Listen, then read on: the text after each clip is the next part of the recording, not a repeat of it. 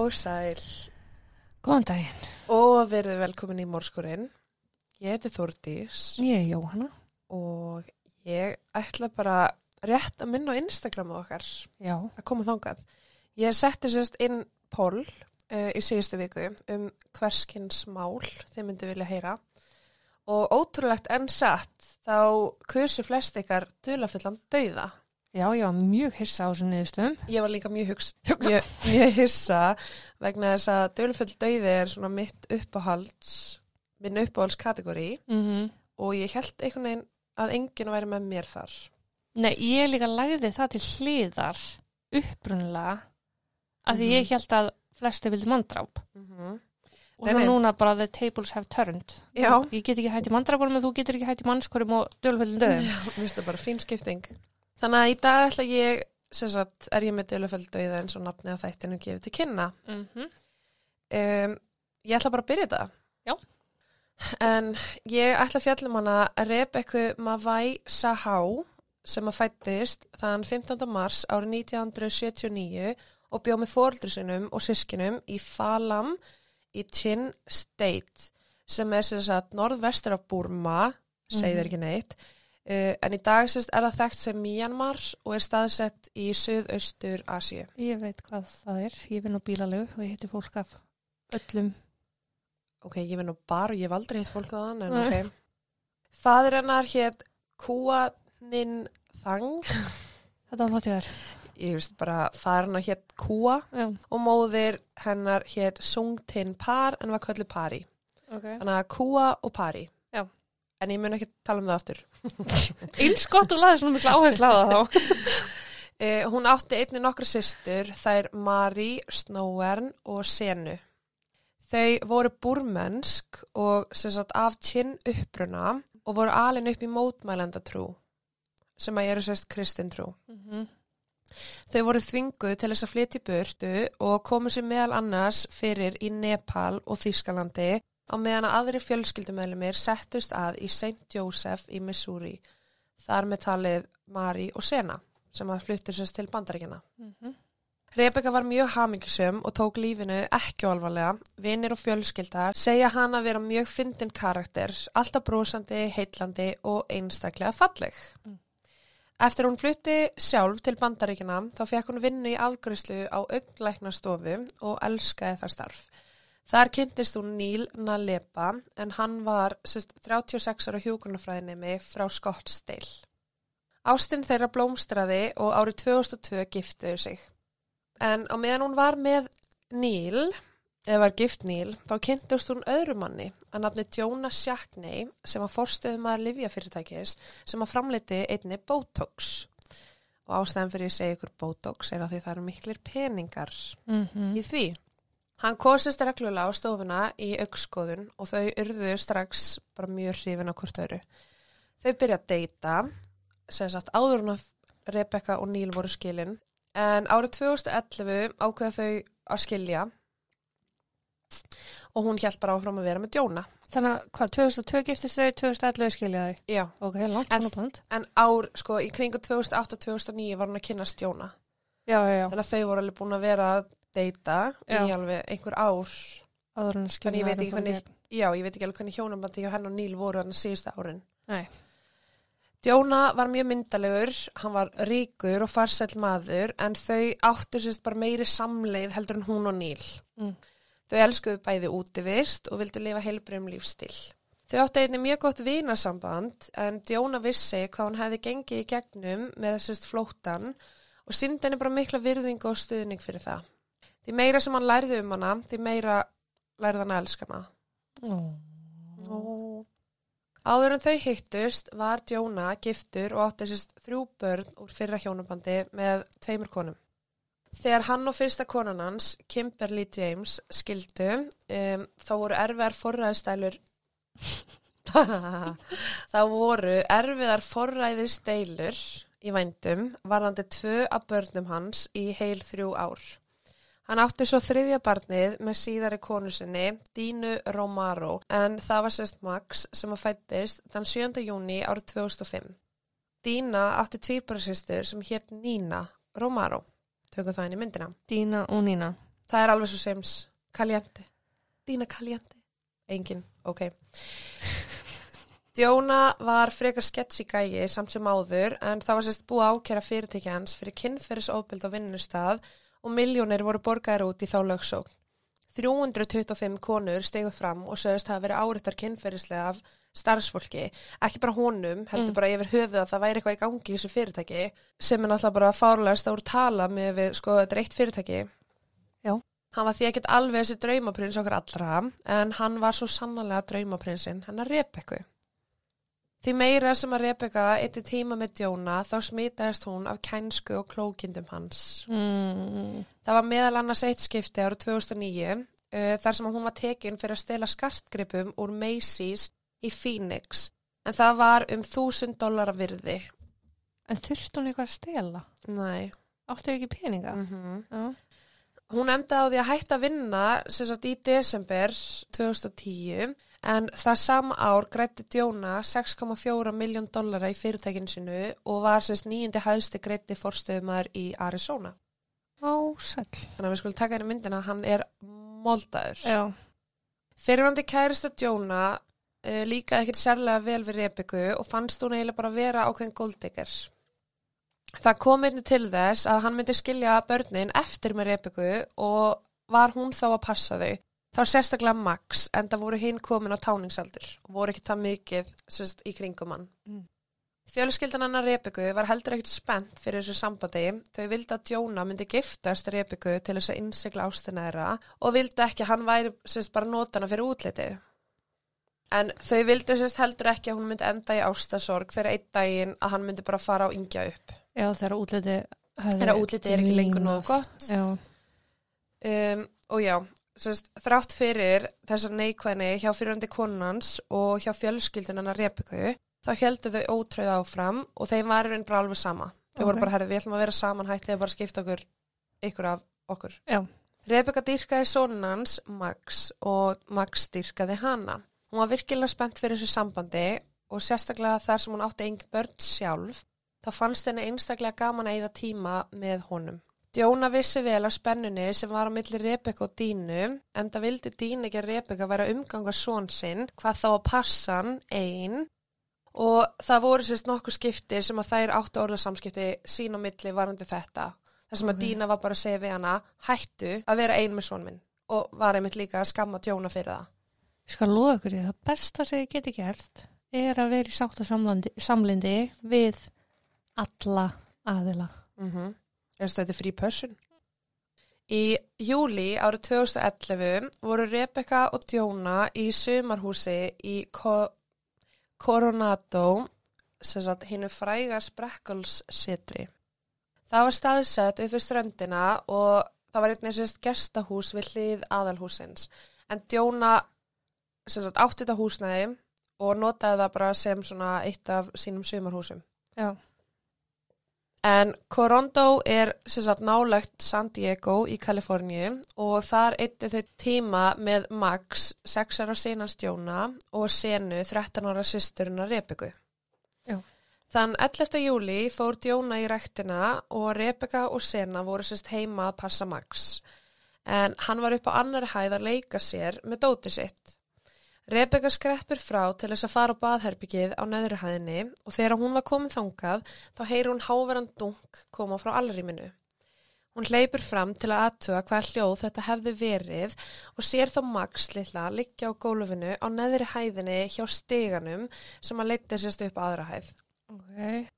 En stigin var um 4,5 metra og var henni það ljóst að hann hafi fallið fram á handriðinu því að hann hefði greipið ljósakrónuna með sér þar sem að það var gler út um allt.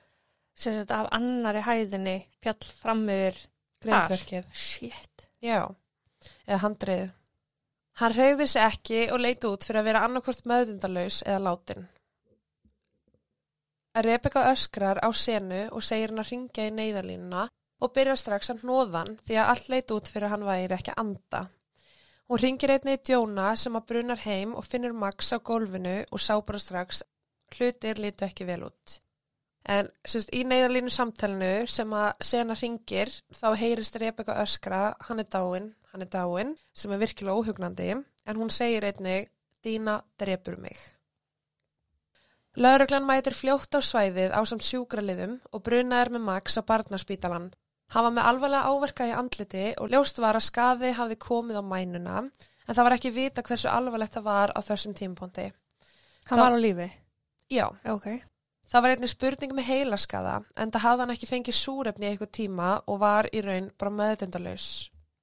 En semst mænu skaðin sem að þeir töldu hann væri með en gátt ekki staðfest Mm. það var einnig talað um að það hefði haft áhrif á hjartslættunans og þess vegna hefði hann ekki verið að anda og þar alveg hefði hann súrefniskort. Já. Djóna ringir í bróður sinn Adam sem að brunar flugvöllin og tekur fyrstu vél frá Memphis til þess að styðja við baki á fjölskyldinni. Rebekku leið ömulega og kendi hún sér um þetta atvik þar sem að hann var í umsjá hennar á þessum tímapunkti. Hún hugsaði samt sem áður með sér að sjúkralegar voru nokkuð fljótur á vettfang svo vonandi náður að bjargunum en hún sagði sérst uppátt við alla eftir þetta að Dína muni drepana þegar hún kemst að þessu. Mm -hmm. Atviki hans Max uh, var mjög skrítið en hann hafði sérst á einhvern hátt sveifla sér fram að handreiðinu sem var það hátt að sex ára bann ætti ekki að geta fallið fram að því. Og á leiðinni niður náði hann að grípa í ljósakrónu. Þannig að sem sagt, hann fer með höfu og dettur niður þá næri hann ekkert að grípa í ljósakrónuna þá er hann einhvern veginn bara svona sveigir sér fram af. Hvort sem hann var að leika eftir atriði úr Cheaper by the Dozen vitum við ekki því það var enginn á heimilinu vittn af atvikinu svo það er ómögulegt að segja til um það. Já. Við hlið hans var einnig hlaupahjól en ekki er vitað hvort hann hafi verið að nota það eða hvort það hafi bara verið að ná fyrstu hæð. Eh, Enda var hann vanur að skilja það eftir á víðavangi. Dægin eftir, þann 12. júli, er Dína hjá Max á spítalunum og fjölskyldan öll saman komin í sérst nærliggjandi húsi sem er í eigan stjóna. Ok. Og það er ekki Sprekkúls setrið, Nei, nei. þar er Rebecca Já. og svo er sérst annað hús sem er nær spítalunum sem að Djóna og Dína og Nína eru sérst að gista til að vera nær spítalunum. Ok. Og Rebecca vantalega ekki velkomin þanga. Uh, nei, það er ekki tekið fram en mér er mjög líklegt Já. hún hef ekki verið velkomin þangað. Rebecca skuttlar senu á flugvöllin en það var sérst bara tími fyrir hann að fara heim og það var alveg planað áður en að þetta skeiði. Hún Ok. átti sérst bara flug með þennan dag á þessum tíma.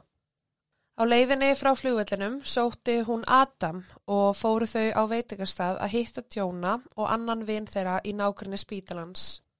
Eftir kvöldmat fór Djóna að hitta Dínu á spítalunum og eitti nóttinni sérst í þessu Ronald McDonald húsi sem er nærlingjandi húsi. Mm -hmm.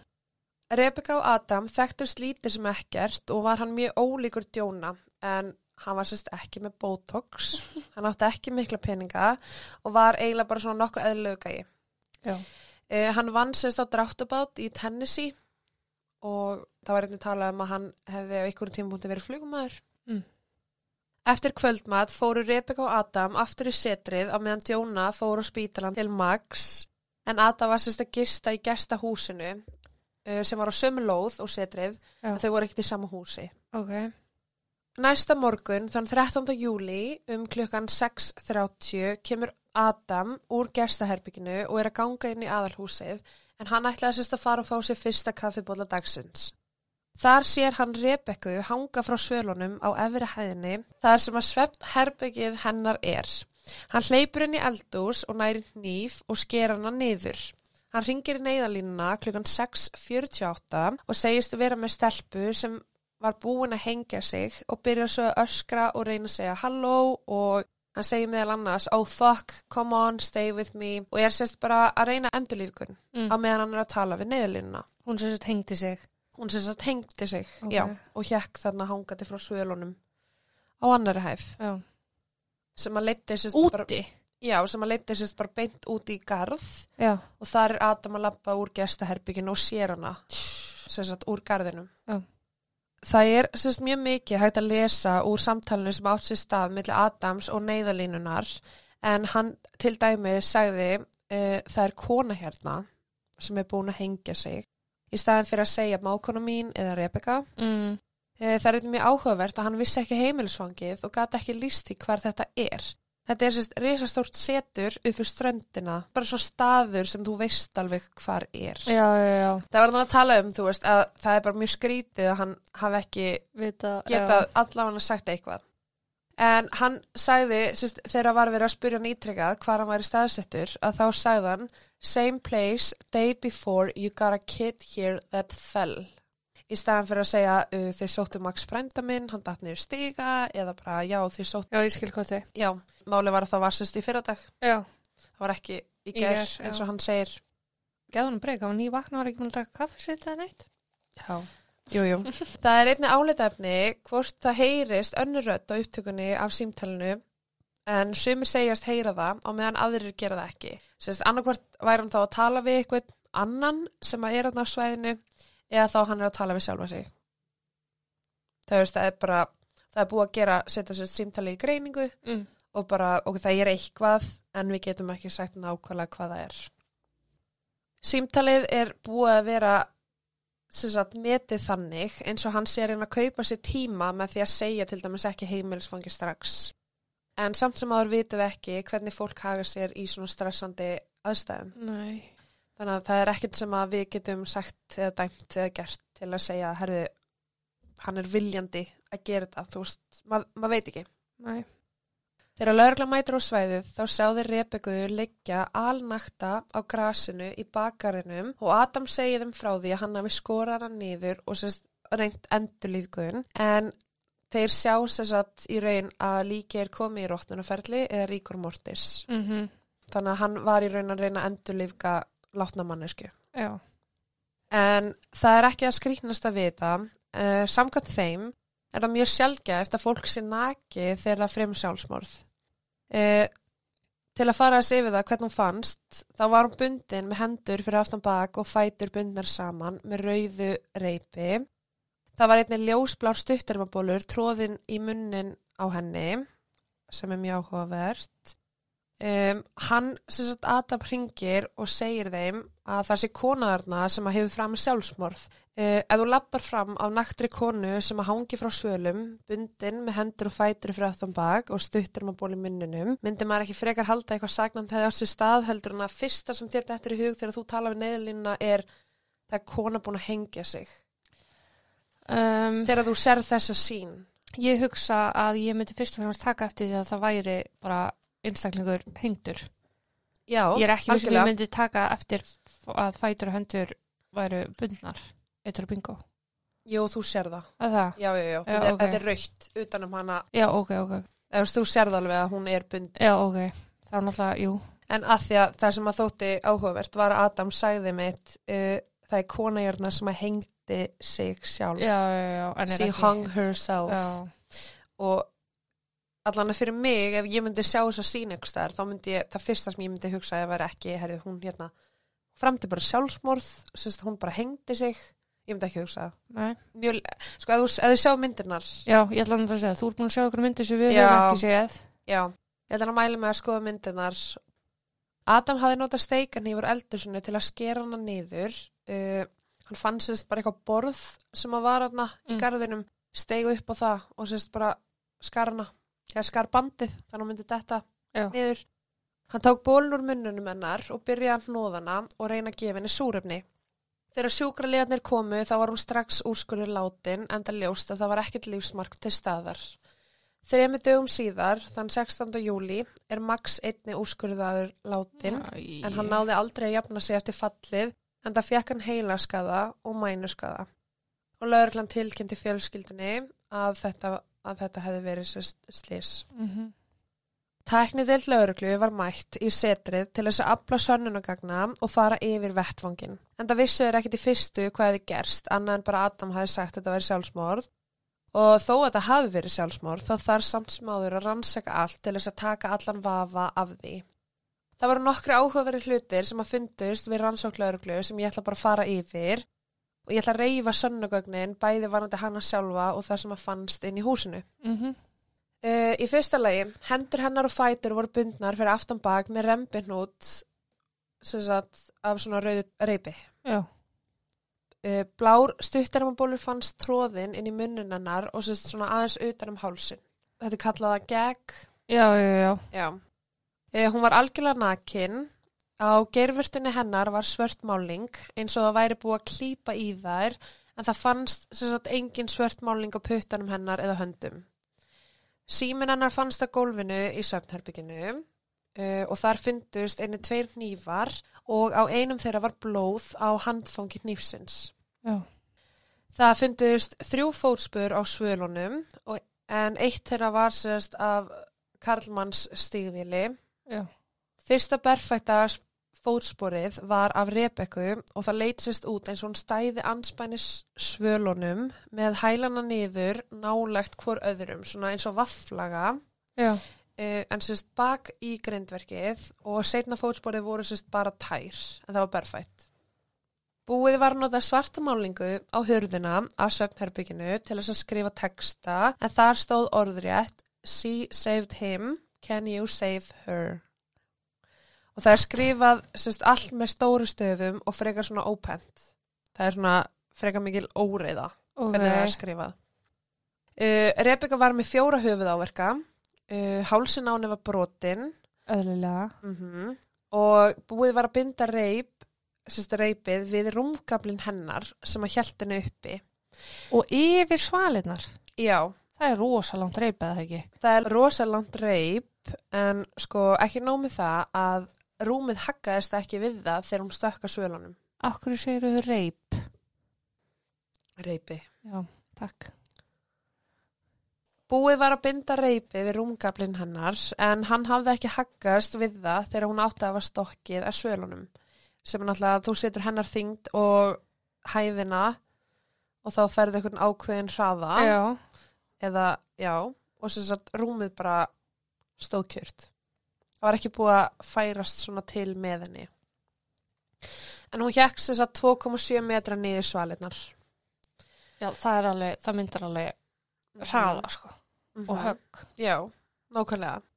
Eftir að hafa aflað þessara sönnugagna taldi lögreglan ljóst að hún framdi sjálfsmorð en það fundið er ekki önnur fingrafur eða annað á vettfangi sem að gætt bent til þess að einhver hefði gert henni mein. Já, auðvitað fyrir utan það allt sem ég var að tellja upp hérna rétt Ég var að fara að segja, annað en að hún var með, uh, Já, en ég mun sérst bæta við listan í gegnum málið. ok. Ef hún tók sitt eigi líf þá spyr maður sig hvers vegna vildi hún gera það nakin þegar hún vissi að fjölskyldan myndi koma að henni, hvers vegna ætti hún þá að skrifa þetta á hurðina og tala um sjálfa sig í þriðju personu og ef hún var kyrt eða mögulega lamin, hvernig gæti hún gert það við sjálfa sig? Ég á engin svör fyrir þig. Nei. Uh, meikar ekki sens og af hverju ætti hún sérst að fara að spila einhverja leiki eftir dauðar sinn og skilja fólki sitt eftir með allar þessar spurningar. Það sem er einnig áhugavert er að Max er sérst í alvarlegu ástandi á þessum tíma en hann er ekki látin og hún vissi ekki betur en að hann myndi ná sér í gegnum þetta. En það var sérst mikið talað um að hún hefði tekið sitt eigi líf vegna þess að hún var með samviskubit yfir því að hafa verið að passa Max. En einmitt þarna var hann ennþá á lífi og Já. það var ennþá verið að, að sérst sinnunum. Mm -hmm. Þannig að Og það var ekkert ljóst að hann myndi degja neitt. Nei, það var ekkert, þú veist, þetta var bara, þetta var 50-50, þannig séð, Mm. en ég meina, er þá ekki líklega að hún myndi þá taka sitt eigi líf eftir, Jú. eftir þess að þrjá 17. daga, júli já, Mhm. eftir hann deyr. Fjölskylda hennar og vinir sem að þekkt hana best sögðu að skriftin á hurðinni væri ekki líkt hennar og hún myndi aldrei skrifa með stóru stöfum.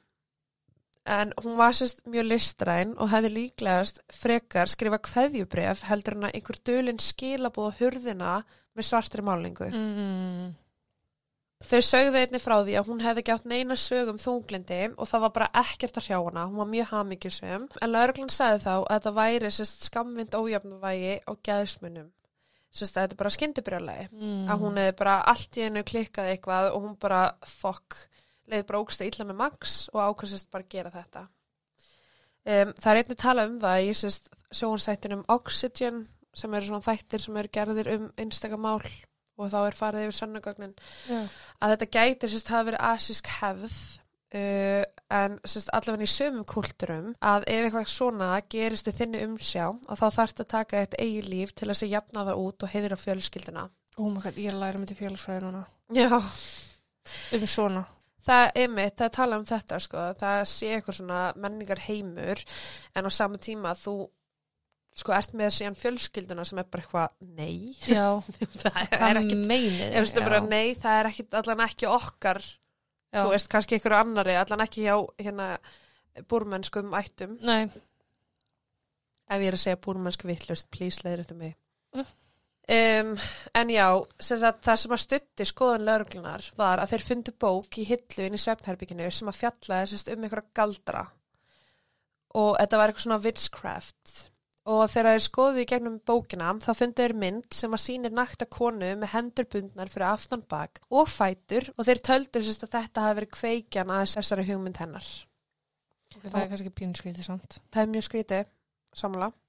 Krupning var gerð og þar sem að fannst þar var, hún var með innvortisblæðingu í heila. Hún fannst með þess að svona afgangslím af teipi Mm. á sér. Sest, ef þú teipar eitthvað með svona gráu yðnar teipi Mm og rýfur það af og þá er alltaf svona teip residú, eða Akkurat. sérst afgangslím. Hún fannst með það á lærinu, en það var ekkert teip neinstaðar Ok. uh, og tek það fram hún var nýkomin úr styrtu Já. þannig að hvar var teipi sem að var ein- einu sinni á henni Mm sem að fór ekki af, já, Já. allavega hún með fjóra tegundra höfuðávirkum sem að lögreglan taldi að væri vegna þess að höfuð hennar átti að hafa skollið í veggin á leiðinu niður svalin En ekki hakka rúmið.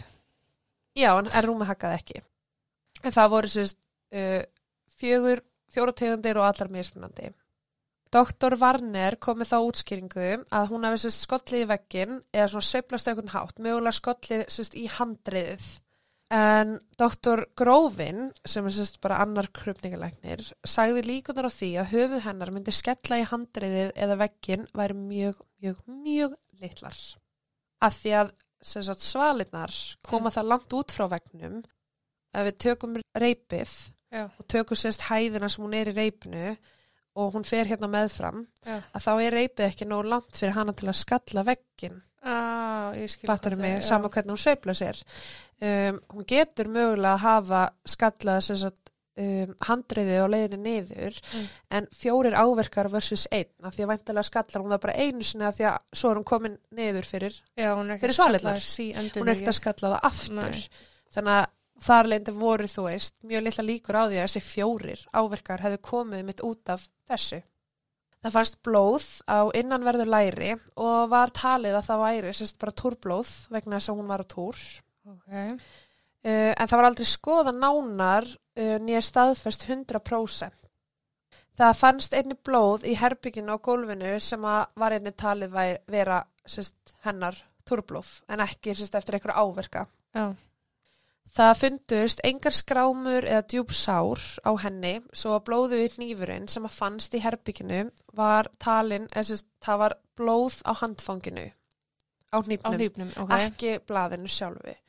En það var sérst talið um að hnífurinn hafi farið í lögöng hennar Oh. vegna þess að það var ekki, ekki neinstar annar staðar blóð sem að mögulega henni hefði gett blætt frá Já. sem að hefði getað útskýrt þetta um, og sem sagt blóðið sem að fannst á innanverður læri var sagt svona klístur eða svona útlínur handfang nýfsins það er Þurrkað.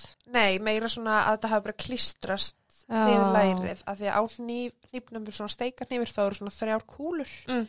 uh, eða svona þrýr ringir úr játni sem að festa, festa Handfangi. saman og það var sem sagt bara eftirlíking sem sagt það var augljóst að hnífurinn hafði bara klístrast þar við blóðið Já, þannig að hnífurinn ok. hafi verið þar á þessu svæði á einhverju tímóti Krupningin lítur af að geta staðfest að hvort hún var með sár, skurð.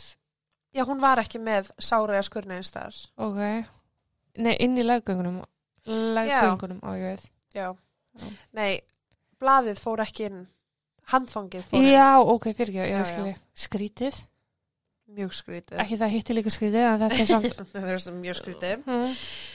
Talið var að hún hafi farið í styrtu, komið úr styrtunni, notað hnífin á sjálfa sig sem einhvers konar um, sjálfsgleði, skrifað á hurðina, bundið sjálfa sig, sett bólinn í munnin á sér og bara hoppað fram á svölunum. Ég hef sko heyrt um alls konar grammiti notað í slíkar aðtafnir, ramakstampust og annað, en aldrei hnífskaft. Eitthvað tíman er alltaf fyrst. Greinlega. En það er sem sagt eitthvað bara sem passar ekki saman. Ég held að við getum öll verið sammála um það. Það Já. er eitthvað þarna sem er bara svona, ha, a, já, allavega. Rannsókn á vettfangi fór mjög brösulega fram en það var einungist tekið ein stróka af hverju síni. En semst undir vennilegum kringustæðum þarf að taka að minnstakosti tvær strókur og svo leysa kempa svæðið sem að virtist ekki hafa verið gert í þessu tilfelli. Já, að því að þú klúðrar rannsóknar einu stróki að var mjög gott að hafa eitt ef ekki tvö til vara. Já og líka bara að þú tekur einas heila strókarnýpnum Mm.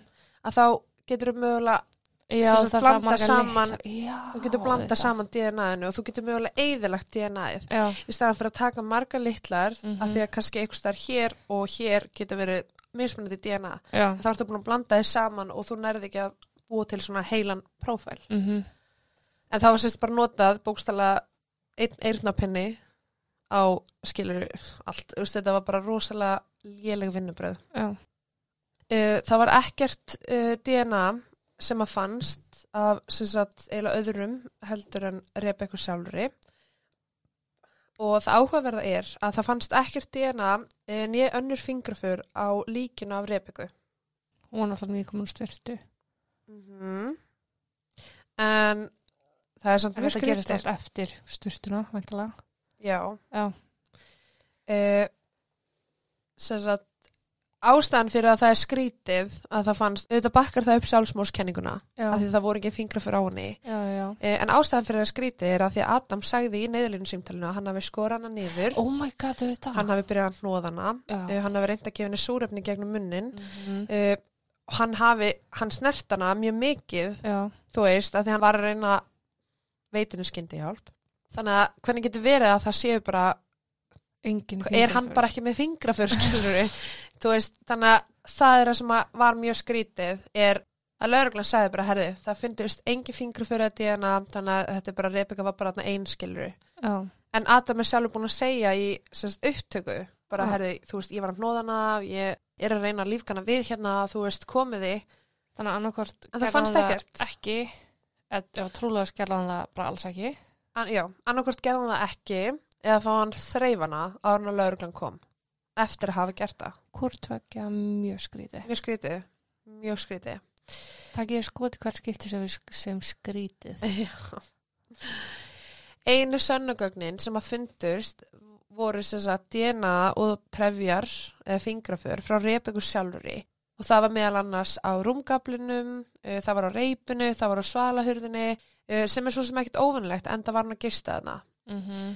Uh, en alltaf Adam snerti líka reipið, hann var að skera það, Já, já. þú veist, það fannst heldur ekki neitt DNA eða fingraför frá Djóna á þessum stöðum sem að segja okkur það að Djóna er búin að vera gistað þarna með henni og allt í hennu er hann eins og hann hafa aldrei verið þarna. Já. Ef að fingraförin hennar Rebekku er á hurðinni Mm þá hljóta hans Djóna að vera líka nema einhver hafi augljóslega þrifið það. Já. En þá ætti bara að vera ekki neinn fingur fyrir það ekki. Jú, Já. það er það sem er mjög spes og það mest spes við þetta er að sagt, fingraförin hennar fyndust hér og þar en ekkert eitthvað út um allt. Nei. þú veist, ef þú fyrir heim til mín þá eru okkur fingraför á hverjum einasta fermeter heima á mér á Já. vegnum sko. en það fannst ekki neitt og fingraförin hennar voru að finnast á svona óvinnilegum stöðum, sérst á rúmkaplinum á reipinu og svalahurðinni Já. en af hverju ekki á ljósatakkanum þú kveikir og slekkur ljósið skilur já. Æ, þú veist, þetta, þetta var bara mjög spes það var til dæmis ekkert fingrafar þar þú kveikir og slekkur ljósinu Kannski um app eins og ég. árið 2011 Trúlega ekki. En talað var semst við nágrana og aðtöðað hvort einhver hefði orðið var við eitthvað óvinnilegt þetta kvöldi. Einn nágrani kom fram og sagðist hafa heyrt hávara tónlist koma frá húsinu seint á kvöldi til. Uh, Annað vitni kom fram og sagðist hafa heyrt konu öskra eftir hjálp um klukkan hálf tólf en hún spáði svo sem lítið í það. Hvað, af hverju spáum maður svona lítið í þetta? Já, af því að á sama tíma og það er sérst búið að útskýra þetta mjög vel en það voru einhverju krakkar í þessu hverfi sem voru að leika sér úti og voru að öskra og voru með læti Já. og það bara svona samblandaðist Ok. og hún hugsaði bara ok, ég heyrði þessu öskur frá þessari konu en En ég heyrði líka ösku frá Æ, einhverjum. þú veist, já, það er bara fullt af fólki að öskra henni hverfinu, skil látt mig vera. Allir öskrandi. Já. Lögreglan hugsaði samt sem áður með sér, ok, við erum komið vitni sem að segist að hafa heyrt konu öskra, getur það verið að við sem að horfa vittlust á hlutina, að því þeir voru bara sjálfsmorð. Mm Af hverju hún að öskra ef hún er að drepa sjálfa sig. Já. Lögreglan ákvaða þó Adam upp á lögreglustöð í viðtal og sömulegis að taka lígapróf. Niðurstaðan úr prófunu var sem sagt ónákvæmt, Mm þannig að hann náði ekki prófunu og hann fjall ekki á prófunu. Sem er alveg heldur en að Já. falla því. Sérst, lögreglumæðurinn segir að hann hafi geta gert mun betur á þessu prófi en hann hefði líka geta gert mun verð og var í raun ekkert ósattur við þessa niðurstöðu. Hann Ok. svaraði einhverju rétt og öðru ekki. Um, en auðvitað er þetta prófi ekkert notað í dómsalnum þannig að það var ekkert hægt að gera neitt úr þessu prófi, þetta var eiginlega bara fyrir þá Mm. og sérst, eiginlega bara svona til að sína uh, smá bara vald Já. En það er svona spurningin, þú veist, annarkvort fellur á prófunu eða þú nærð prófunu, hvaða spurningar var þetta sem hann fjall á, hvaða Já. spurningar var þetta sem hann náði, af því að það er mjög auðvilt fyrir að segja, þekkjur repiku, já, Já. nærð, og svo segir, drastu repiku, nei, Nei. ránt. Og þá ertu komið 50-50 og ertu komið ónægkvæmi, skilur Nákvæmlega. þannig að mér veist frekar hægt að skoða hvaða spurningar þetta voru sem hann var að falla á, Já. heldur en ekki, því að, Og eins og aðtöðu, ok, það er ekkert andla hann að hafa gert eitthvað en það getur verið að hann vita eitthvað. Já, algjörlega. Eftir að Djóna frétti að bróðu sinn hafi farið í lígapróf vegna dauða kæristu sinnar, þá stóð hann þjættu bakið á honum og sagði að hann væri ekki tengdur þessu á neitt hátt. Anna vitni kom fram og sagði að kona sem að stemdi við lýsingun á dínu hafi farið að seturnu það kvöld sem að Rebeka lérst. Djóna er með fjárvistasönnun en hann var sem sagt á spítalunum og fjárvistasönnunin hennar dínu er einnig svo að hún var með honum á spítalunum um, Hún átti sýstur. tvíburasistur Já. sem var sko alveg eins og munum var að Rebeka sagði eftir sleysið hans Max að Dína Dína mun drepa mig Mm sonur hennar Dínu er náttúrulega bara að berjast fyrir lífi sinu þannig að maður hugsa alveg mynd hún tíma taka tíman á spítalunum til að fara Pottið ekki. þangað. Nei, þú veist, en maður veit ekki. En það er náttúrulega annað með Nínu. Já.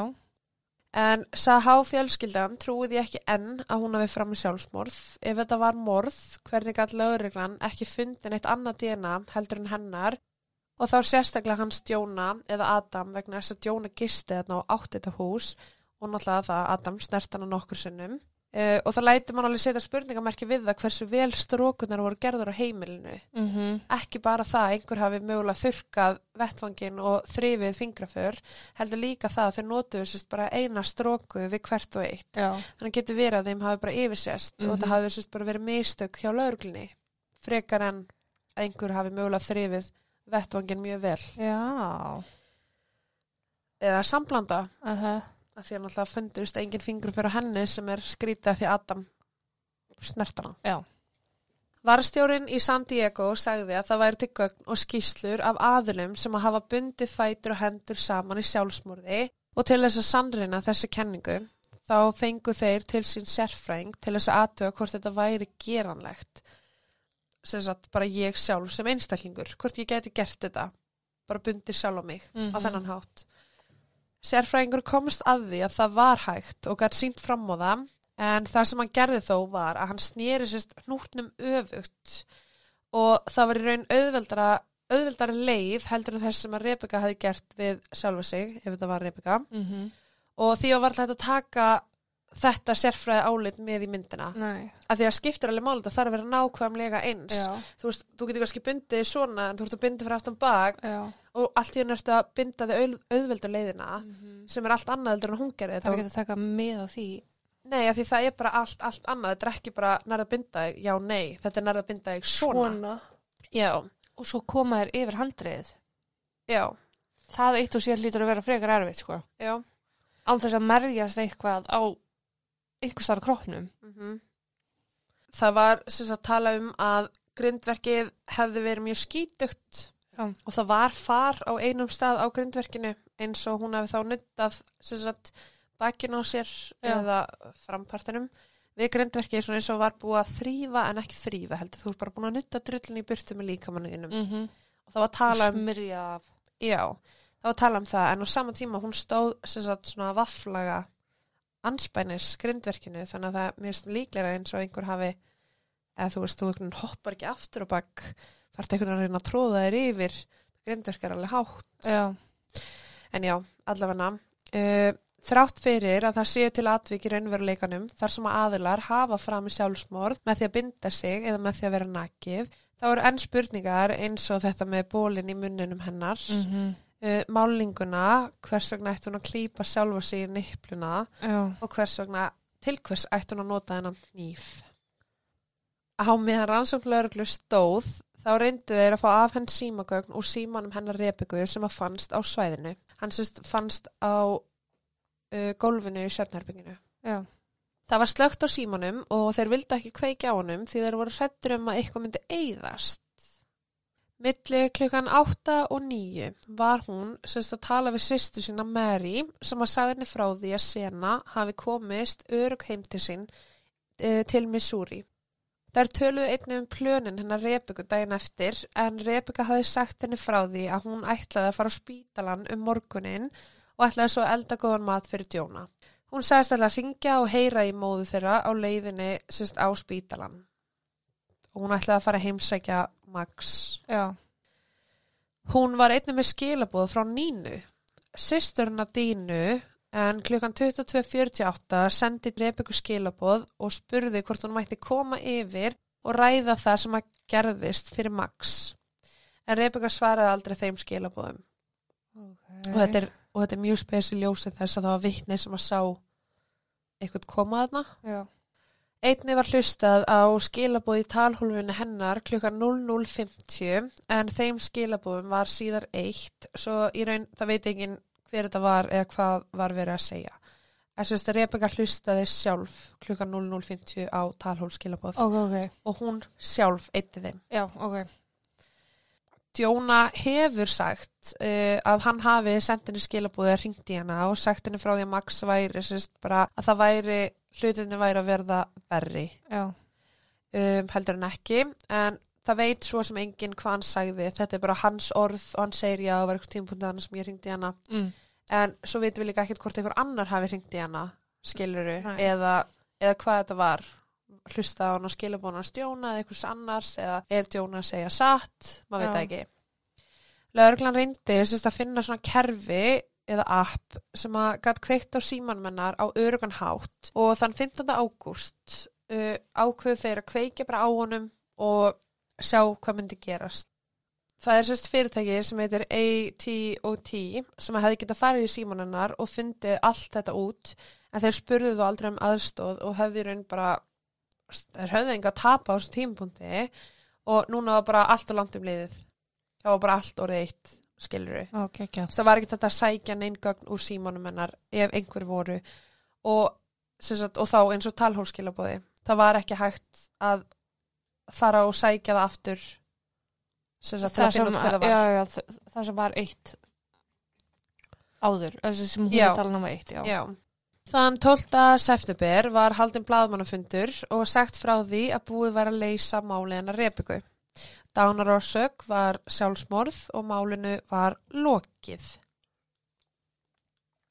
Öll sönnunugögn bentu til þess að um sjálfsmorð væri að ræða og bæði fingraför og DNA sem að fundust á heimilinu kom, komu einungis frá henni.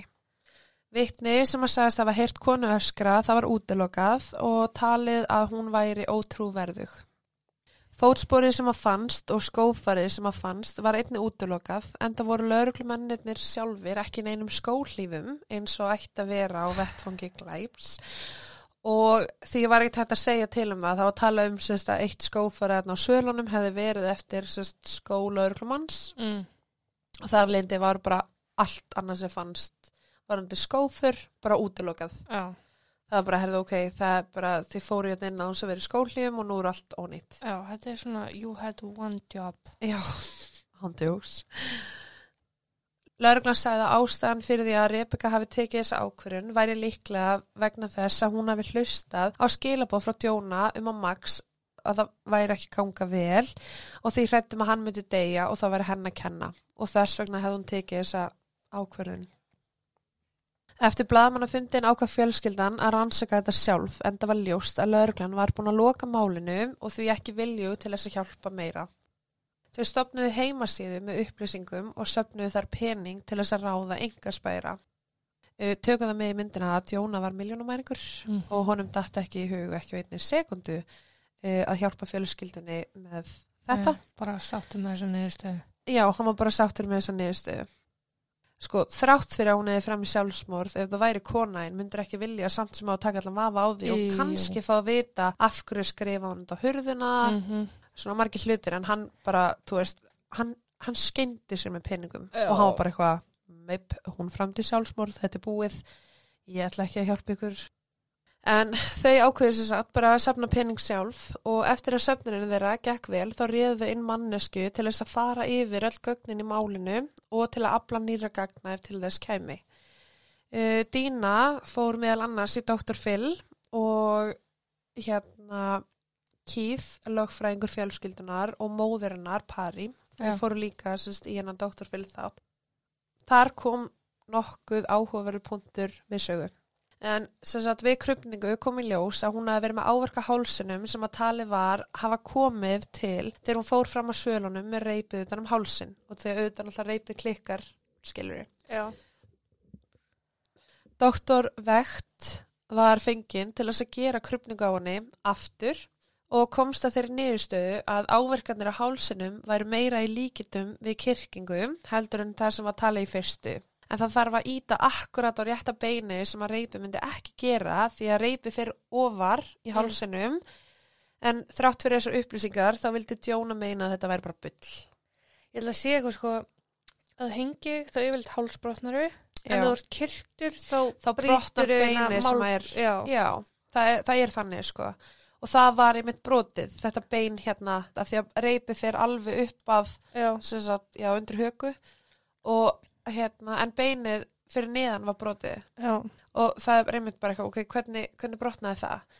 Og svo líka að tala um sko að hennar þyngd og fallið Já. sem að hún fór niður að í þessum aðstæðum er bara mjög líklegt að fólk bara missir höfuðið af því þetta er svo mikið, mikið Kraftur svo bara. mikið kraftur og mikið högg og það er með tala um bara að það einhvern veginn passar ekki að beina hennar á miðjum hálsi er brotið eða sérst þetta bein sem að brotnar við kirkingu Og ekki hálsinn sjálfur. já, það, það er bara einhvern veginn það, þú veist það er ekki að útskýra það En eftir þessi nýju sönnugögn og eftir þessi nýja krupningu uh, þá ákvað fjölskyldan að reyna en einu sinni að sannfæra laurugluna um að það væri meira í þessari sögu heldur en sjálfsmorð.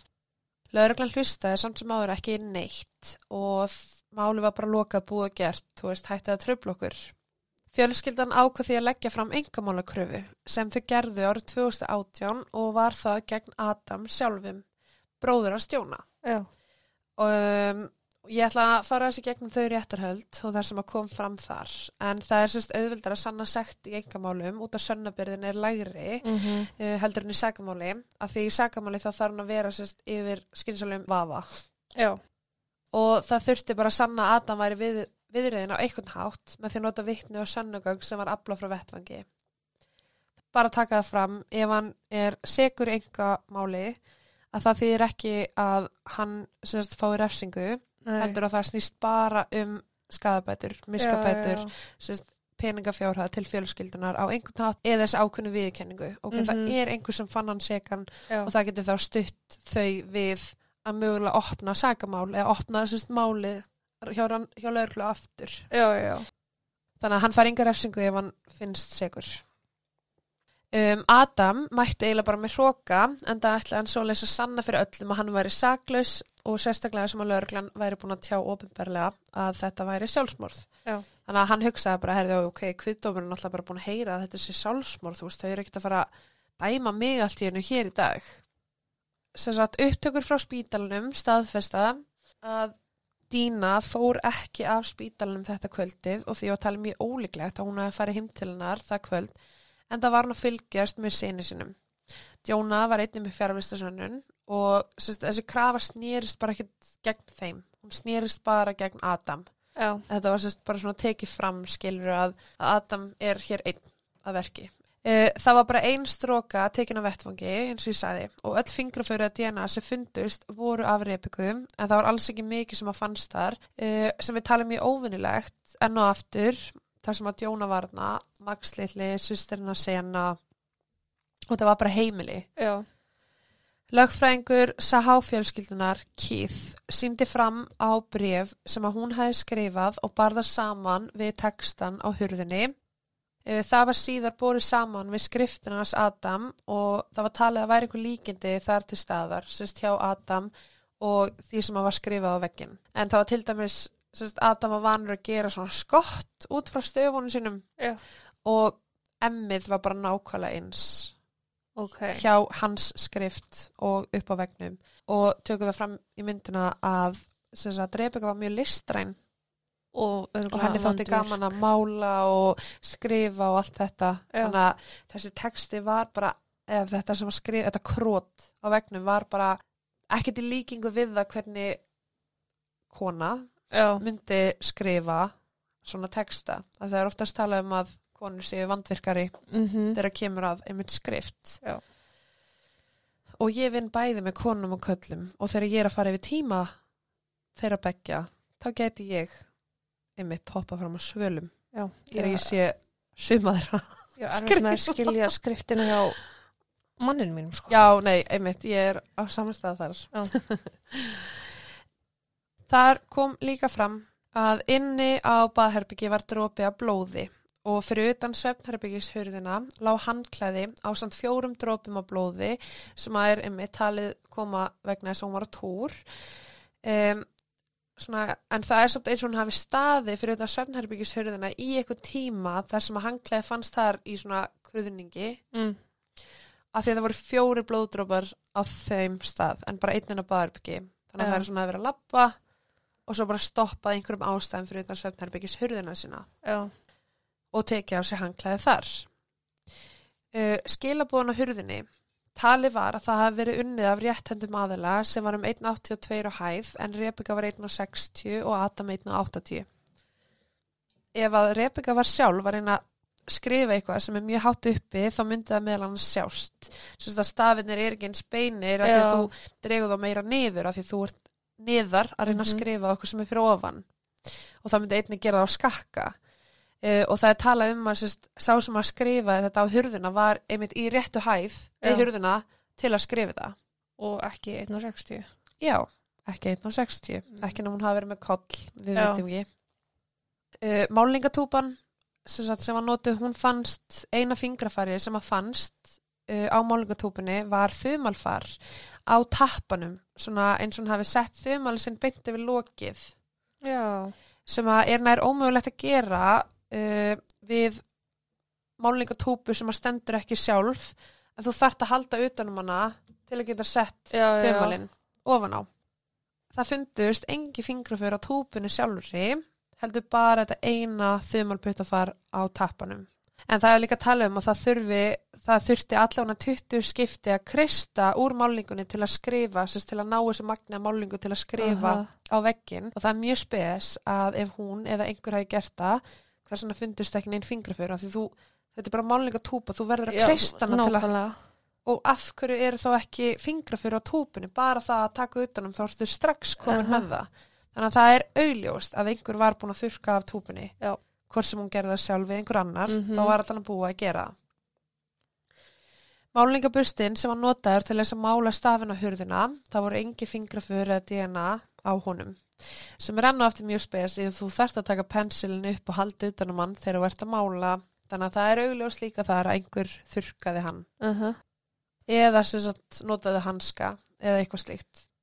Uh, hún var með brunasár á hendinni eftir reypið og það var eins og hún hafi verið að reyna að toga í reypið á leiðinu niður. En hvers vegna myndi hún gera það ef hún hefði hoppað frá, frálsum og fúsum vilja. -huh. Það er sérst eins og hún hafi Tekið í tekið í og verið að reyna sérst, já, og bara runni með reipinur. já. Já.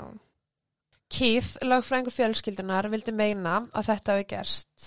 Hún fór í styrtu og leiðin inn í svefnherbyggi heyrði hún eitthvað sem að leta hana stoppa fyrir utan og hlusta. Hún sér Adam, missir hangklæðið og reynir að hlaupin í svefnherbyggi og öskrar á hjálp, sem að viknið síðar heyrði. Uh Hann lemur hana fjóru sinnum aftan á hnakka sem að gera hana meðutundalösa.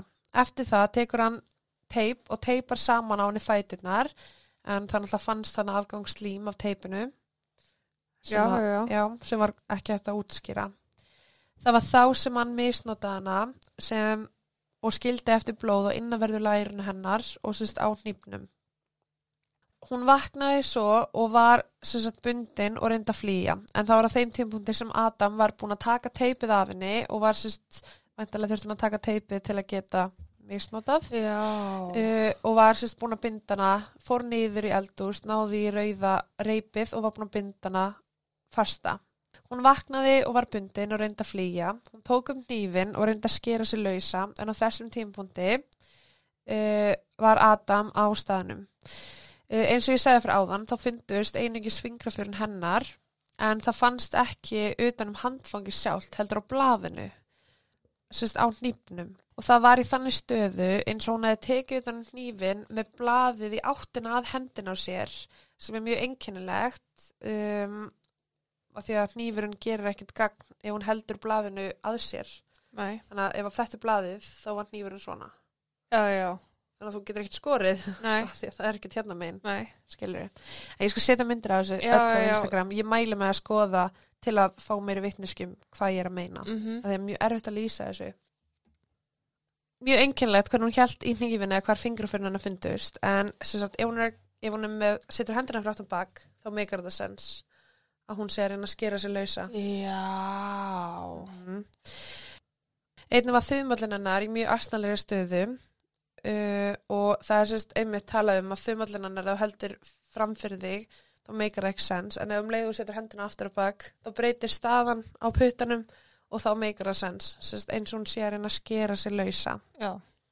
og það er ástæðan fyrir þessu fingraförum á hnýpnum. Adam tekur eftir þessu, hendur ból í munnin á henni svo hún myndi ekki öskra og endur á því að kirkjana til dauða. Mm. Hann setur svo vettvangin upp eins og hún hafi stokkið niður en í raun hjekk hún aldrei þarna, heldur lét hann bara líta út fyrir það. Já. Það sem að staðfest er að sannar þó kenningu er til dæmis að rúmi hreyfðist ekki, sko, ekki eins og sentimeter Nei. en með þessa þyngd þú veist, ég þarf rétt svo að til það er búið hreyfast, sko. Já. Getur þú ímyndaður að með þessa þyngd að toga skyndilega í rúmið og það hreyfist ekki, þú veist, er þetta rúm búið til að gulliða? Aldrei vita. Hann Aldrei alltaf fullt af peningum, Botox kongurinn sjálfur. Já, en sem sagt bara eins og að tala um hennar þyngd, hún var náttúrulega auðvitað ekkert það þung, sko. Eh, en svalinnar voru, þetta voru sérst 4,5 metrar svala handriðið sem hún hefði þá farið niður, þannig að ok, það er bara mjög spes að rúmi myndi ekki hreyfast smá til Já, já. og ef að hún fór þar fram af og einhver kliftana að þá er líka augljóst að einhver fór upp og lagaði rúmið til Já. sem ég veit ekki alveg af hverju en sem sagt, Keith vill bara meina að hún hafi þá ekkert hangið þarna Mm hann hafi síðan bara komið með hana niður, skilur við búin að klippa þarna, Já. setti þetta allt upp og að þess vegna hafi til dæmis ekki fundist áverkar með að hún hafi actually hangið. Já. En já, það stemmir sérst einni við það sem krupninguleiknirinn tók eftir og sagði varandi höfuðhöggið og hálsbrotið sem var bara ekki samræmi við hengingu.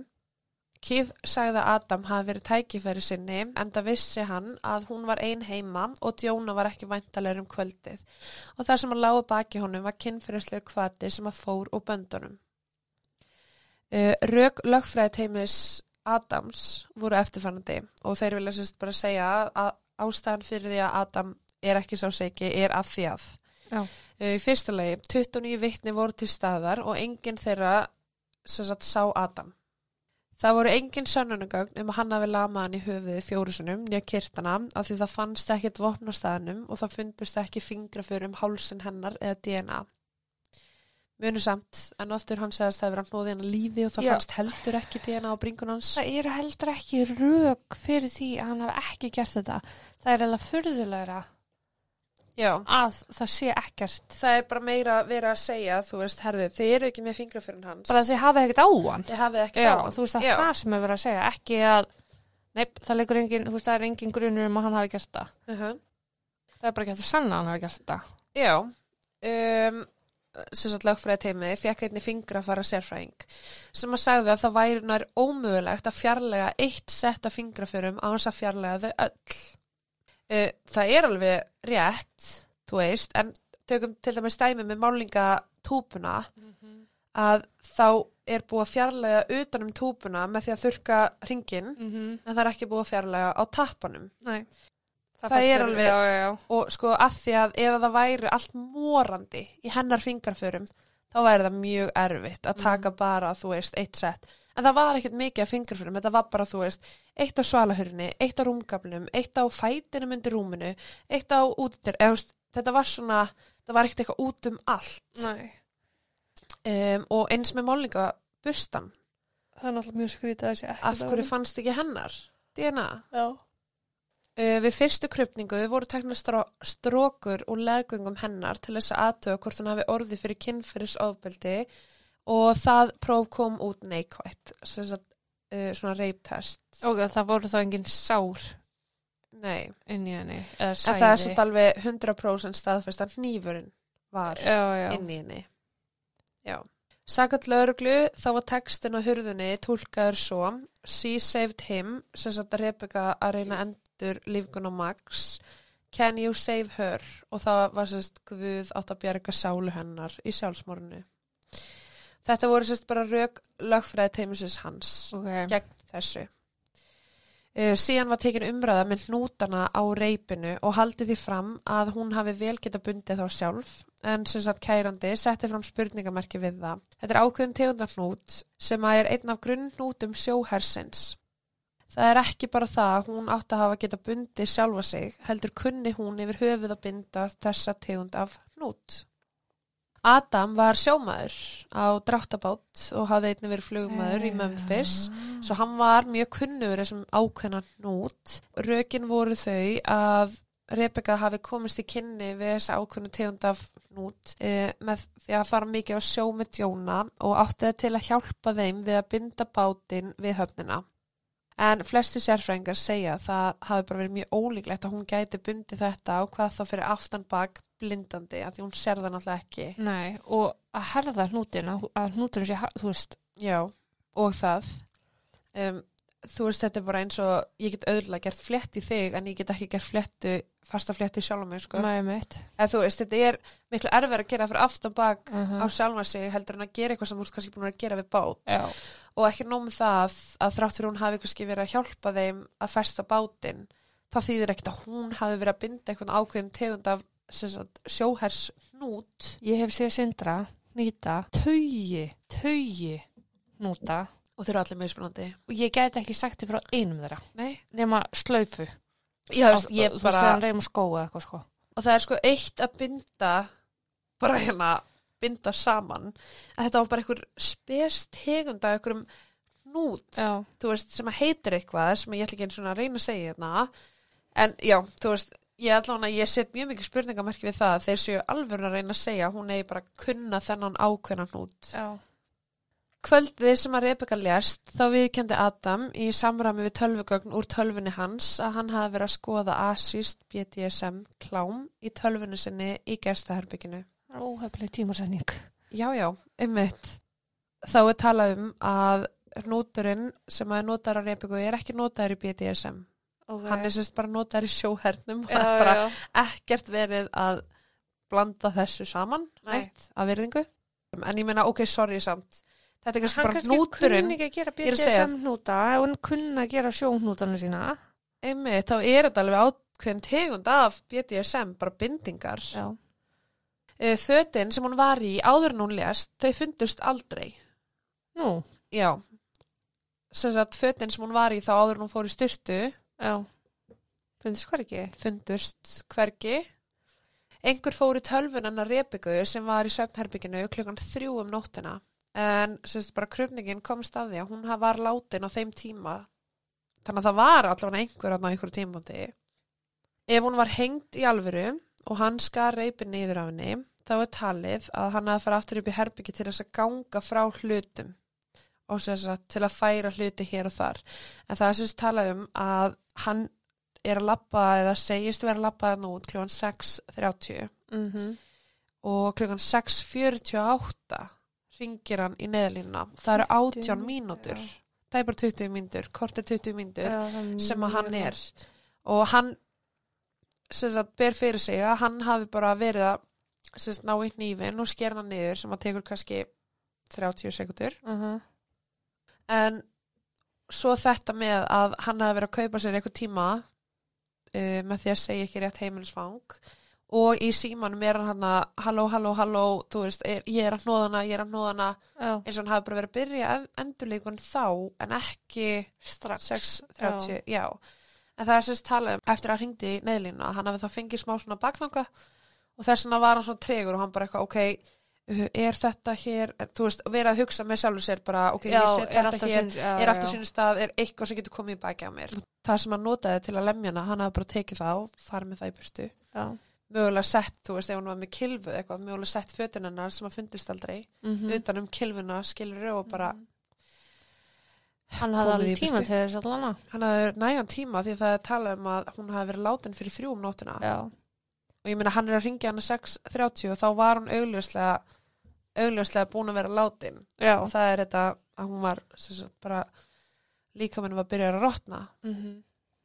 Um, handreiði sjálft var 91 cm og hún 160 cm á hæð rannsökundur sögðu að hún hefði raun þurft að fleia sér yfir grindverki með afli til þess að ná að kasta sér yfir það og það átti hún að hafa gert nakin og með stuttirmaból í munninum. Þann 4. apríl árið 2018 kláruðist réttarhöldin og 9 af 12 í kviðdómi fann Adam Segan fyrir morðið á Rebekku Sahó. Hún var skipað að borga 5,2 miljónir dollara í miskabætur og tek það fram en aftur þegar að vera að ræða engamálkröfu þá er verið að sækjast eftir ákveðnum skadabótum eða miskabótum. Mhm. og sérst Sahá fjölskyldan sóttist eftir einum penny Ó, til að sína það að þau væru ekki að gera þetta fyrir pening. Ok, þau eru að gera þetta fyrir Rebekku og vilja fá einhverja staðfyrstu á því að hann gerði þetta. Ok, vá. En það var- það er magna Já, það var sérst dómarinn sjálfur sem að ákveða þessa upphæð. Dómarinn ákveða 5,2 miljón dollara. Í februar árið 2019 það áfriða Adam dómnum og voru bætuna lækkar neyru 600.000 dollara og málinu lokað. Adam hefur neitað öllu sem gerðist og segir að það sé algjör tímasón að vera skoðan.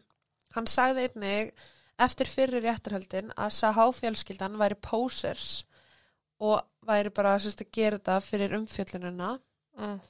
Uh, á sjálfur sér, ekki fyrir Rebekku og bara kom með einhvers, einhvers konar svona open hótun á fjölskylduna. Hann sagði þetta bara í, þú veist, ofinböru viðtali.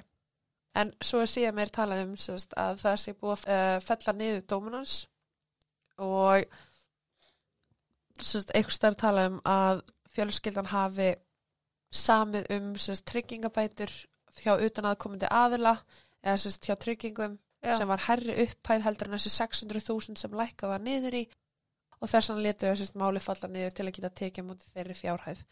En enn og aftur, það segir samt ekkit um fjölskylduna, heldur þau eru líka að ráða engaspæra og þau eru að reyna að borga fyrir í allt sem að þessu fylgir, sko. já, Þannig að, og það, þú veist, ég veit ekki hvers vegna þau gerðu það. En já, ok, það er sem sagt að tala um að það sé hér major DNA og minor DNA já, og öll, uh, í öllum þessi strókun sem að teknar voru að þá var, sem sagt, Rebecca var major DNA sem er sem sagt bara svona aðal, það fannst bara mestu trefjarnar eða annað sleikt frá henni. Og þetta minor DNA það bara hverfur. Ok, þannig að ef að Adam snerti, nýfin, reypið bólin, allt þetta að þá í raun fellur það um það að það, já, það fellur um það að hennar var sem sagt bara sterkara. Mm og þess vegna er bara sagt, já, það fannst bara hennar. Já, og enn og aftur, þá var náttúrulega bara ein stróka á hvert ekki margar, já. Þannig að þú ert kannski með einn eyrnapinna á heilamból mm setur í greiningu. Og Rebecca er major af því að hún kannski átt hennar ból og snert hann oftar heldur en eitthvað pínlítið minor DNA sem kemur frá Adam og þar leindi að það hafi þá mögulega ekki fundist. Og það er bara að tala um að það hafi bara verið eitthvað mistök hjá lögreglunni. Það er orðið Sama ansmörg með að- já, saman með að fara hérna inn á já. um, það er sérst bara að tala um að þetta, einhver hafi gert þetta bara basically til að niðurlægina mm af því að hún, einhver verandi Adam. Já, sérst einhver verandi Adam. En það er talað um að þetta er bara gert upp á niðurlægingu. Þetta er ekki gert til þess að vilja dreipa einhvern aðila, þá hefðum, hefðum bara gert það strax. uh, mögulega skila hana bara eftir. En þetta er þú veist niðurlægingin á það að bindana nakta á túr mm uh, og kominu fyrir úti fyrir allra augum. Já. Þar sem að hver sem er náttúr mögulega já, hver sem er gæti mögulega séðana og þá er einmitt talað um eins og með Adam að hann hafi bara verið stressaður frá því að þetta gerðist frá því að hann var búin að setja alltaf upp já, þar til að hann ákvað bara sjálfur herði okkur, ég ætla bara að ringja það er Já. engin annar að fara að koma hérna og já Þú veist, meinar. ég get ekkert verið sofandi bara Nei. nátt fram á dag og allt í henni er hún dáin í garðinum, Nei, skilur það meikir sens að það hafi sem sagt fundist svartir hanskar í íbúðinni sem voru aldrei skoðaðir sagt í húsinu en þeir voru sem sagt eh, á neðri hæðinni og það getur vel verið að ástæðan fyrir að þeir skoðu ekki þessa svörtu hanska mm. væri vegna þess að þetta væri bara hanska þennan stjóna eða þú veist, einhver útskýring á því en ég meina Adam hefði vel getað farið að neina Já. sé þessa hanska og nú erum við strax komið bara geggjaða útskýring á því af hverju það var ekkit annað fingrafar heldur en hennar. Að lögreglun er bara nei Lögreglan er ekki bara, herrið, þetta er sjálfsmár, hún gerir þetta sjálf. Af hverju ætti hún að fara að nota þessa hanska og sjálfa sig, skilur ég Já. meina af hverju ætti hún, hún að binda sjálfa sig? Mér er svo skrítið að lögreglan fái loka seg um þetta þegar krupningalæknirinn er bara, herru, það er eitthvað undarlegt hérna. Já, það var sérst krupningalæknirinn á vegum þeirra, sérst allra fyrsti krupningalæknirinn, hann sagði annað Já, en fjölskyldan fekk sjálf sinn eigin krupningalæknir til þess að sem er oft gert að já, þú annað álit. Emmett. og það er hann sem að sagði annað frá svona orðum átti orði. Já, en það er alveg svolítið ljóst að lögreglan er bara það eru sagt, það eru svo sem engar kenningar, þetta er náttúrulega bara fellur allt á Adam til að byrja með það var eitthvað að tala um Níl fyrrandi manninannar sem hún alltaf augljóslega helt framhjá með Og vá, ég var búin að gleyma að hann hefði verið til. Já, um, hann sást af nokkru vitnum í rektinni klukkan 5 morgunin 13. júli 2011 þannig að um, hann bara var útilókaður sem grunaði maður af því Já. hann er með bara fjárvistasun það er sérst bara að tala um að hann fór einnig líka í einhverja tíma í háskólanum þar sem hann bjó uh, kvöldina áður og hann hefði ekki geta á þessum tíma geta flóið þangað,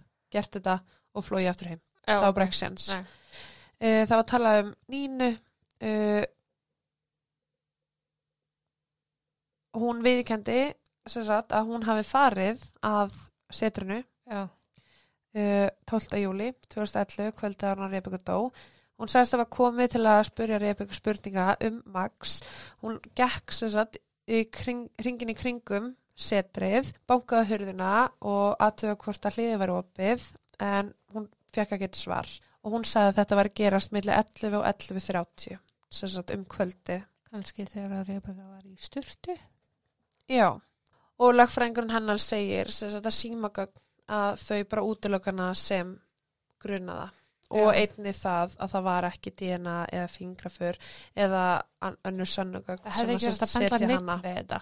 Nei, Bara út af því einu, af því það Já. var ekkert, já. en hún var og hún er einmitt konan sem að sem sagt, konan sá labba þarna fyrir utan húsnæðið Mm og hún var einmitt búin að senda henni líka skilabóð þarna, herðu, um, má ég koma og spjalla við Já. um, sleysið. Þá talaði bara um Dínu, uh, hún er náttúrulega bara með sína fjárhæstasönnun uh, og sem er bara myndalega kerfið frá spítalanum sem sýnir að hún kemur og fer af spítalanum og er þar Já, með síni sínum samagildir með Djóna. Þú veist, hann er með henni á spítalanum emmett. þannig að til dæmis eins og með nínu ástæðan fyrir að hún var útilökuð er að því að síminn hennar segir okkur bara það að hún var aðna bara í þennan x tíma Já, og þetta hlýtur að hafa tekið mjög langan tíma ef hún á að fara að binda hana og allt þetta. mm En þetta var einmitt, það var Nín og Adam sem að voru svona í myndinni. já. Um, en já, ég ætla aðeins að henda mér aftur tilbaka í málega smaks svona í ljósi þess að þið eru búin að heyra um Rebekku nokkuð vel. En varandi Max að þá var að skrá sem slis af lauruglunni og töldu þeir að hann hafi verið á hlaupahjólinu sínu á efrihæðinni og fallið fram að handreinu eftir að hafa verið of, miklu hraða. Af því að hlaupahjóli hans fannsist við hliðans um, niðri á fyrstu hæð. Um, á efri hæð húsins var mjög þykkt teppi, sko mjög, mjög, mjög þykkt teppi sem sagt bara á gólfinu. Já. Allt gólfið var þakkið þykkt teppi og ég held að við höfum öll reynd að, að nota hlaupahjól og grassi og það, er, ekki vel. það er ekki sens. Þannig að getið ímyndað ykkur það að hann sé á þykku teppi sem að getur sig inn í hjólinn og bara basically tekur allan hraðan af honum. Já, Þannig að þannig sé er það ómögulegt að hann hafi komist á einhvern hraða til þess einmitt að skella á handriðið og fara fram af. já. Og hlaupahjóli fannst einn á jörðinu niðri en myndi það detta með niður, niður með honum sem er bara mjög ólíklegt. E, já. Já, af því að hjólinn náttúrulega bara stoppar og dettur niður sko en það fer ekki niður á, það sveiflast ekki fram yfir. Með- hefði þetta halda þá í það Já, en hann lyfta því.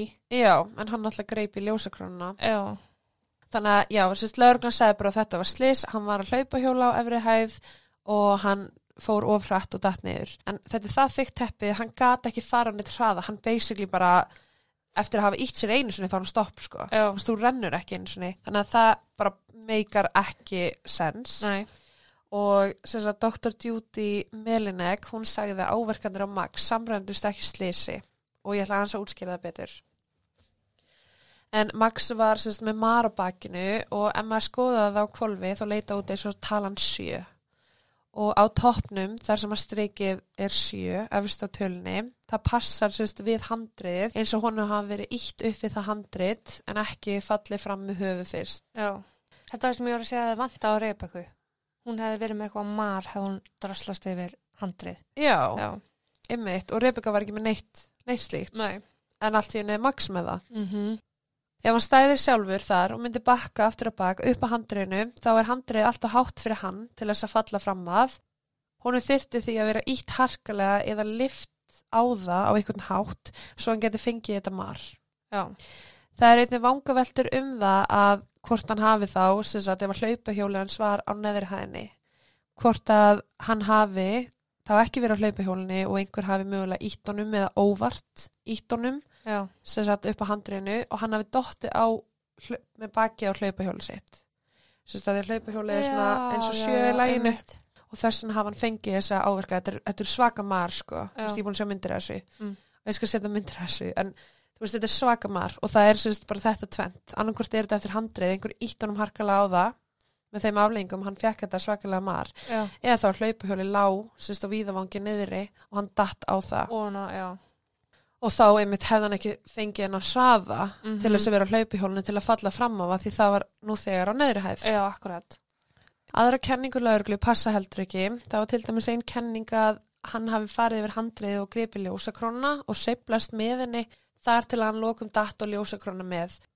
Hins vegar var hann ekki með neina skrámur eða annað á höndunum sem myndi benda til þess að hann hafi gripið í hann og skorið sig sérst, á gleri eða skorið sig á sérst, ljósakrónunni sjálfri Mhm. og það var ekkert sem benti til þess að hann hafi verið haldið eitthvað. Nei. Þannig að það tali mjög óleiklegt að hann hafi actually komið við ljósakrónuna þrátt fyrir að hafa verið gler á neðrihæðinni Já. og það er alveg bara útskýranlegt. Uh, sagan hennar Rebeku frá þessum degi passar heldur ekki en hún sagði sérst við lauruglumennina á vettvangi að hún vissi ekki hvað hefði gerst eða hvaðan hann fjall og hún vissi raun ekki að hann hefði dottið heldur hann sagði bara ég veit ekki hvað gerist, ég bara fann hann hérna. En hún sagði síðar þann sama dag við Dínu að hann hafi dottið á annar hæð. Þannig að þá allt í nú vissun á hans að lauruglan var búið að segja eitthvað. Hún sagði einnig áður en hann lést að þá hann hafi Max verið með meðvitund og sagt Ocean við sig sem var nafnið á hundinum þeirra. Já. eins og hann var að segja að hundurinn hafi gert þetta. Ah. en ljóst var og 100% staðfest hafa meðvitundalus eftir fallið og hann gati ekki hafa sagt neitt og það var bara fundið út í krupningu bara nákvæmlega ok. með við þessi áverka, þetta fall gerða verkum að hann var gjössalega átt og hann hefði getað sagt neitt en svo kemur hún við lauruglu og segir já, hefðu hann sagði hérna Ocean hann er að tala um hundin, getur verið að hundurinn hafi gert það Mhm. Já. sem er mjög skrítið, af hverju það ljúa og Já, það er augljóst að hún er að ljúa hann Ok. sagði þetta aldrei Nei. hún var einnig ekki viss hvort hann hafi leigið á andlitinu eða bakinu þegar hún kom að honum en hún sagði að hún hafi ekki fært hann. Og hann fannst á bakinu, Já, eða þú veist, lág á bakinu. já. Já. En það er sérst tala um bara að hún, það er svona, uh, hún kemur að honum og hún auglustlega, hún færa hann ekki en hún þarf náttúrulega að færa hann smá að því hún er náttúrulega að veita honum nóð Já. og hérna endurlífgun en já, það var sérst bara mjög spes að hún gæti ekki sagt til um það hvar eða hvernig hann lá þegar að hún kom að honum. Já. Þannig að það er ekki vitað hva, hvar hann lá upprannlega Nei. að hún gæti ekki sagt til um það. En það er auglust að hún færðan þráttur Ok. okay. hún segist ekki hafa gert það Já. að hún þurfti að gera það til að veita honum skyndihjálp. Um, sko, það er ekkert sem gefur til kynna að hún hafi gert honum eitthvað bara viljandi en kenningin er sér svo og það sem að lauruglan eða sagt þessir svo Dr. Duty og aðrir segja að hún hafi verið að skamman fyrir eitthvað Já. og ætlaði að sína honum leksju sem að endaði með því að slís myndaðist í kjölfarið og þú veist, það ætti þá að vera mandröpa gálisi en ekki slís Já. en að hún hafi sér sagt annarkvort ítt hann upp á grindverkinu eða tekið hann upp að grindverkinu og svona vera Mhm. hristan að grindverkinu þú veist, hvað er að gera og hann hafi á ykkur tímpúti dottið og það hafi bara verið óvart Já. og það er lítið að hann fengi áverkan á bakið Mm og eða þá hann datt á hlaupahjóli sitt. En hann var aldrei að hjóla á þessu hlaupahjóli annar hæð Át- eins og nei. lögna segir, það er ekki séns Nei. að hann hafi verið að gera það. En það er sérst mjög áhugavert að taka þetta með inn í myndina og sérstaklega með það að varðandi þá nínu. Mm. að því að það bakkar eða svolítið mikið upp og hún er bara eitthvað herðu ok, ég verð að fá að tala við Rebeku og fá að vita hvað gerist af því að það er augljóslega eitthvað sem stemmir ekki uh, og svo mætti hún heim til hennar þetta kvöldi, var búin að senda henni skilabóð getur verið að hún hafi sendt henni þessi skilabóð sagt talhól skilabóð og sagt bara herðu, ég veit að þú gerðir eitthvað. Já. þú veist, getur verið að það, við, það er sérst kenning sem að lauruglan hefur. Getur verið þá að hún hafi íttin úti eða einhver hafi íttin úti þetta sjálfsmór Já. með því að koma upp um hana. Ég er bara ekki sannfærið um að þetta hafi verið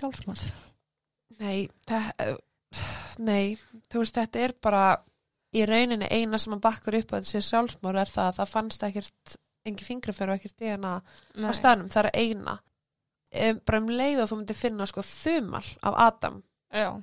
þá ertu búin að segja að þetta var ekki sjálfsmórð Einmitt. það er, það er eina dæmið. Og ég meina svo komur sér hanskar inn í söguna. Hann getur líka vel hafa verið bara með sína eigin hanska. Já. Þú veist, kannski var hann bara að horfa á þetta bondage-klám og runga sér með hönskum, skilur, ég veit það ekki Sitt sínis hverjum alltaf. já, en uh, en þetta er bara já, og Djóna segir bara að hún hafi gert þetta og það verður ekkit ekkit meir úr þessu Já. en þetta mál er ógstlega langt ég geti talað um það endalaust meira Þetta er svona, sko. maður getur velt sér end, endalist upp úr því Já. og kasta á milli pælingum og, og kenningum og allt það, en það, þetta er ekki eðlilegt. já, Og það var ekki farið vel með málið að hálfu lauruglu. nei og sko bara til að taka það fram sko blóðið, Mm. það var aldrei testað hvort þetta væri túrblóðið eða ekki Næ. það var bara, veist, það segir okkur svolítið mikið hvað þeir gerðu ekki í Já. rannsókninni að þeir sögðu bara, herra okkur, hún er að túr þetta er túrblóð, Já. En, Þeir bara gengu út frá því að þetta væri, þeir gengu út frá því, já já. Sæl. uh, já, en herri, það er þá ekkert, ekkert meir sem ég hef að segja þátturinn er hann ansi langur Rosa langur. Já, en ég allavega er bara með mína eigins kenningu. Já. Það er Adam. Mm Ég er bara sammála. Og þetta hafi bara verið kynferðislega kvati. Hann var hann að runga sinni herbyggi og vissi að hún var ein inni og vildi bara, og hún neita honum. Og sínu framgengt og... Já, af því að, já, þú veist, mér finnst bara ekki allt þetta passa, hufa áverkani er allt þetta, en svo er pott einhverju sem er bara eitthvað, hei, ok, ég var að hlusta á þetta og hún draf sig alveg, sko. Já.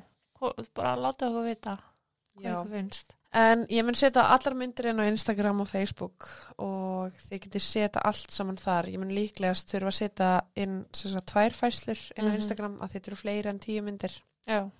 til að það náu að sjá all um, en þá var það ekki meira í dag. Þá segi ég bara að það er flers og það er til næst.